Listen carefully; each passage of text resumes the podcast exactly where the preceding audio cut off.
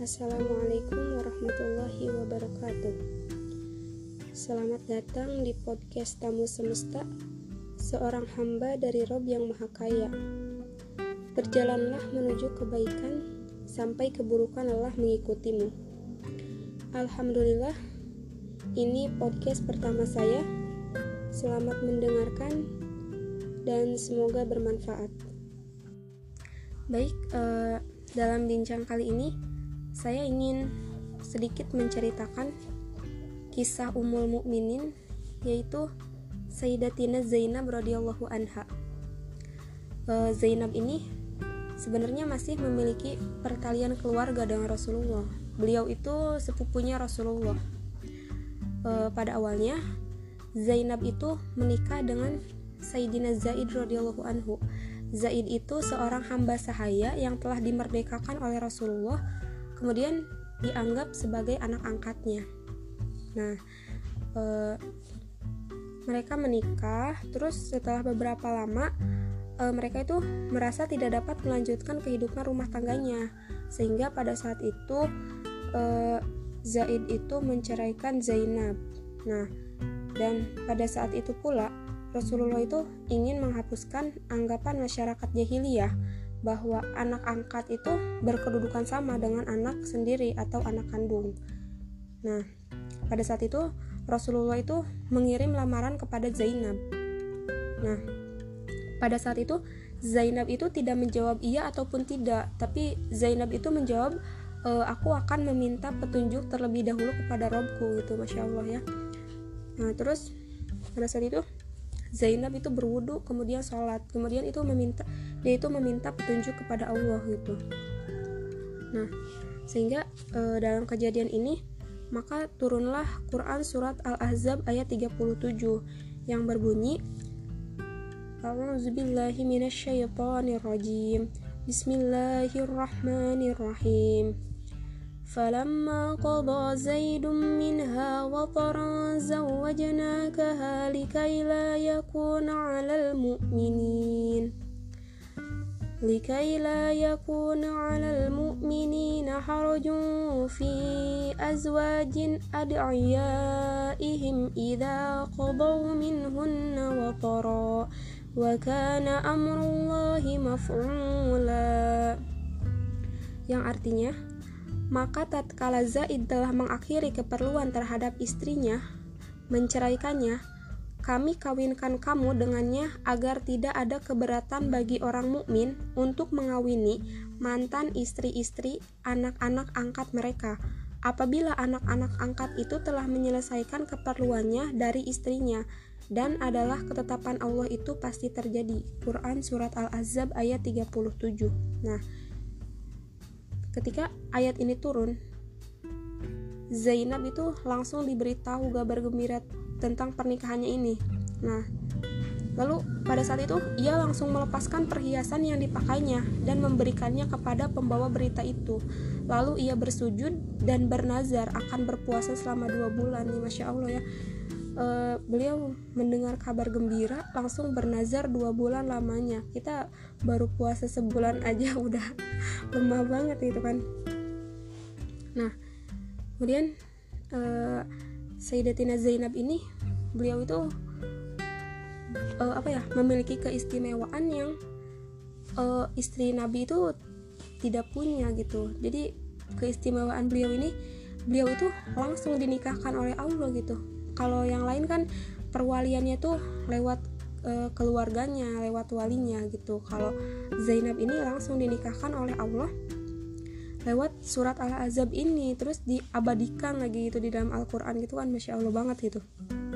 E, terus Zainab itu wanita yang sangat solihah. Dia itu selalu sibuk berpuasa, sholat sunnah, terus dia juga memiliki usaha yang dikerjakannya dengan tangannya sendiri, tapi hasil usahanya ini tuh dia sedekahkan kepada fakir miskin. Nah terus e, pernah juga ketika Rasulullah Shallallahu Alaihi Wasallam itu akan wafat para istri Rasul itu bertanya kepada Rasulullah ya Rasulullah siapa yang paling dahulu menyusul engkau? Lalu Rasulullah menjawab yang paling panjang tangannya. Nah maka para istri Rasulullah itu segera mengukur tangan mereka dengan kayu gitu. Nah, namun akhirnya mereka memahami bahwa yang dimaksud paling panjang tangannya ialah yang paling banyak bersedekah. Seperti itu. Nah, terus ternyata istri Rasulullah itu yang lebih dulu wafat adalah Sayyidatina Zainab. Jadi benar kalau Zainab itu emang uh, orang yang sangat dermawan yang uh, apa ya dia tuh uh, rela uh, menyedekahkan apa yang dia punya gitu hartanya gitu seperti itu. Terus pernah juga pada masa khalifah Sayyidina Umar bin Khattab uh, Sayyidina Umar itu telah menentukan tunjangan untuk istri-istri Rasulullah.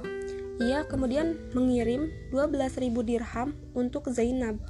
Tetapi Zainab itu mengira bahwa uang itu tuh untuk semua istri Rasulullah sehingga ia berkata kepada utusan yang membawa uang itu. E, katanya untuk membagikannya sebaiknya diserahkan saja kepada istri-istri baginda Nabi yang lain. Terus utusan itu berkata uang ini bagianmu dan ini bagian untuk setahun. Subhanallah gitu. Ia berseru kaget gitu kan sambil menutup kain ke wajahnya. Lalu sedikit pun ia tuh tidak melihat uang tersebut. Uh, ia tuh justru menyuruh utusan itu untuk uh, menyimpan uang itu di pojok kamarnya dan menutup dengan sebuah kain gitu. Terus uh, Zainab itu berkata kepada Barzah. Barzah itu orang yang menceritakan kisah ini. Uh, katanya ambillah satu genggam penuh dari uang itu dan berikanlah kepada Fulan. Kemudian ambillah lagi satu genggam penuh dari uang itu dan berikanlah kepada Fulan.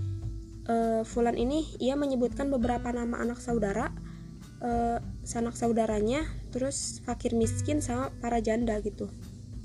Terus masing-masing mereka itu mendapat satu genggam penuh. Ketika uang tinggal sedikit, Barzah baru mengungkapkan keinginannya. Lalu Zainab menjawab, Ambillah uang yang tersisa di bawah kain itu untukmu. Lalu Barzah mengambilnya, kemudian menghitungnya. Ternyata uang yang tersisa itu sebanyak 84 dirham. Sehingga pada saat itu pula Zainab itu mengangkat kedua tangannya, kemudian dia berdoa, Ya Allah, semoga tahun depan harta seperti ini tidak aku dapatkan lagi, yang kedatangannya menjadi fitnah bagiku nih, masya Allah banget ya.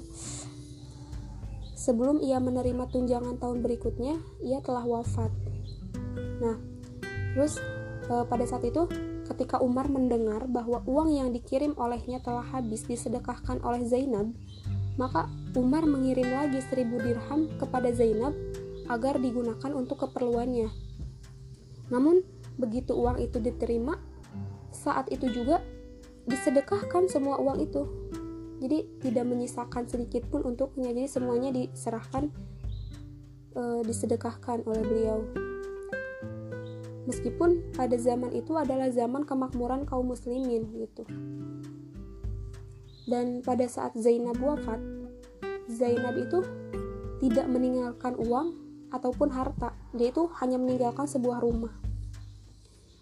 Nah karena kedermawanannya ini maka Zainab itu digelari makwal masakin yaitu tempat perlindungan orang-orang miskin. Seperti itu.